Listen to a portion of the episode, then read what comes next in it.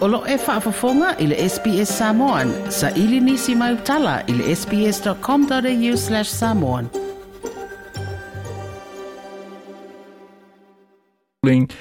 Talofa, Rita Seumanutafa Palala. Tala Talofa Ioane, it's lovely to chat with you again. Happy International Women's Day.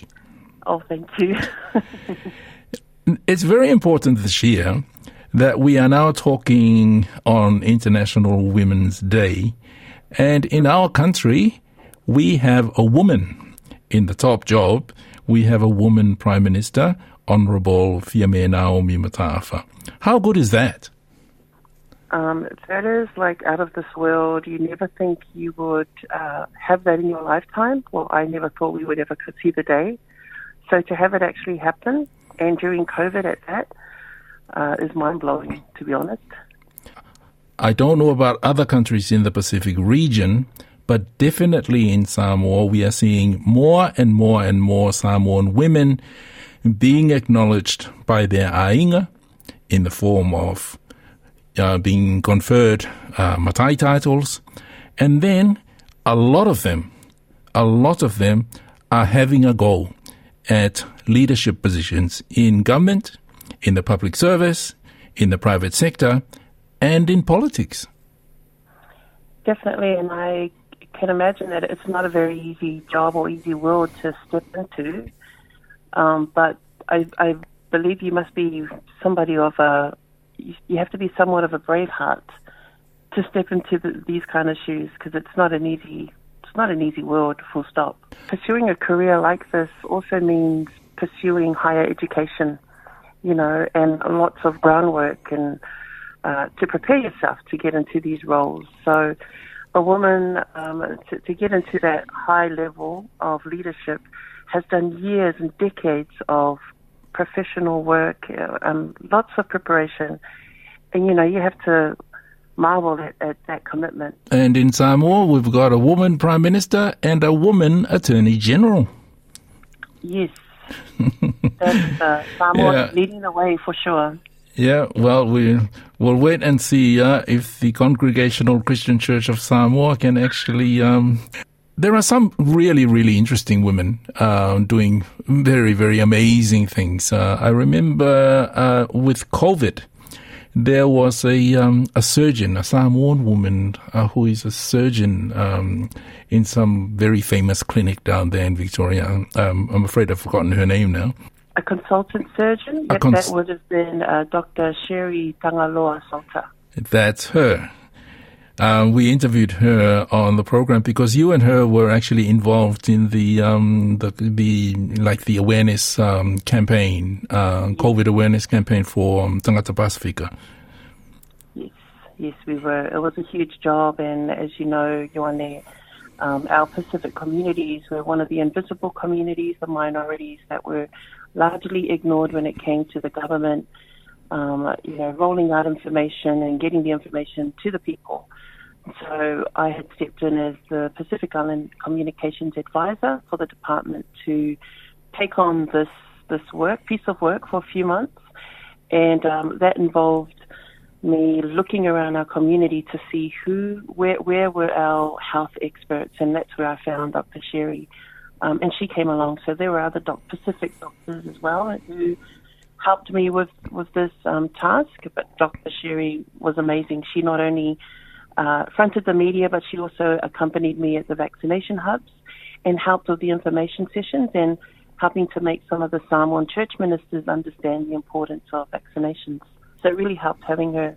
I saw um, uh, an upload on um, uh, Facebook about Pacific um, women in business, and I saw your picture there. Yes. Okay. So I'm also an entrepreneur. So I run a consultancy, um, and this is purely because of the demand um, and the gap. There's a massive gap between um, engagement. So massive gap in community engagement. So the government needing to connect or engage with the Pacific people. So and we don't have any representation there or anyone in there who can help navigate that space. And so that's something. That's one of the roles that I took on, which then led to the Pacific Advisor role as well. So it's um, it involves finding opportunities um, where I can advise or consult with organisations and departments of government that work that want to work with our people. And so that that is how I ended up in the Pacific businesswoman realm. Uh, also because I lead the non-profit organisation PICA, which is Pacific Island Creative Arts, and that's been running for eight years now, and and that's all about you know uplifting and empowering our community through the creative arts because we've got a whole heap of creative Pacific people here, uh, but no stage and no platform to really be creative on our terms. And so that's what PICA's role is. And um, a lot of the uh, the work, um, not just the um, performance work, but the behind the scenes work of the mm. Um, uh, the Pacific Island Creative um, Arts Australia, is actually done by women as well. Definitely. PICA. we've got a leadership team of five, and three of us are female. Um, and I would say that every time we facilitate or do a call out to community to take part in, in a upcoming event or something amazing that's going to put Pacific creative peoples on the map, we find that 80% of the people registering are women.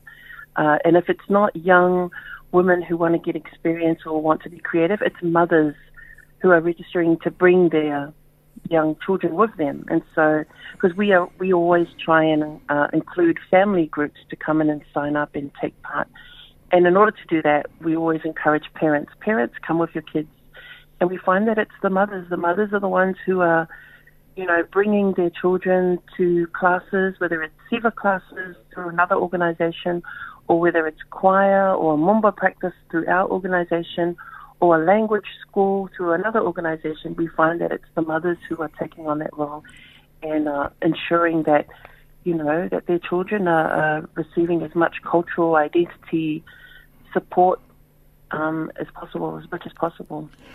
As somebody um, who, um, a Samoan woman um, who has um, um, excelled academically, especially um, in music. You've got a master's degree in music. You are undertaking a um, a PhD in um, in music. What what sort of advice would you like to give young Samoan women, girls, as to mm. you know what's the ticket to actually get ahead? Okay, well, my story is, is one of intense um, focus, focus and uh, patience. And it was actually my mother that made sure that I went back to school. So I started my university life very late. So I was age 30 or 29, going on to 30 when I actually um, started semester one.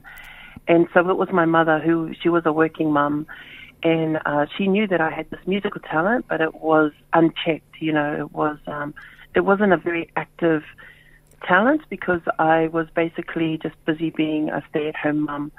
But mum saw uh, an opportunity or gaps in my daily life where I could, you know, do music.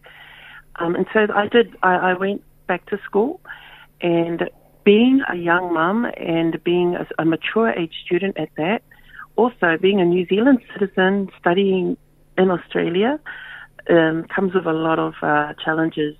And I think uh, I just I was wholly encouraged by my by my parents and my circle, my close circles, to find opportunities where I could just focus and make sure I did what I needed to do, whether that was being, you know, giving up TV. And so I gave up TV in 2008, and I have not watched TV ever since. Um, not wasting time reading Women's Day magazines. You know, I guess that's that's where all the gossip and all the celebrity gossip and um, fixation on Hollywood and all the influences uh, can really put a lot of wasted hours in your life. Um, and so I learned that very young, as a young mum. And um, I think those are the things that help me. Also, when you're a, a young mother and you don't have time, you don't have any time to waste when you are studying.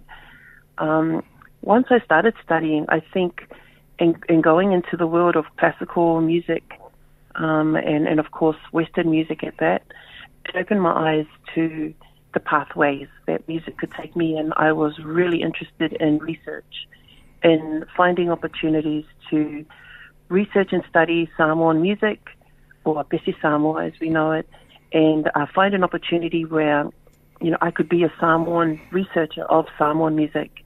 And so that's, that's how I ended up um, in this field that I'm in, in ethnomusicology. But then university life also opened doors in terms of, um, you know, transferable skills, things that I learned as a researcher – I take into my community life. Rita Seumanutafa, thank you very much for talking to us again and happy International Women's Day again. Thank you, Ioane. All the best to you. Like, share, mafaali sa so finangalo, muli muli ile SBS Samoan ile Facebook.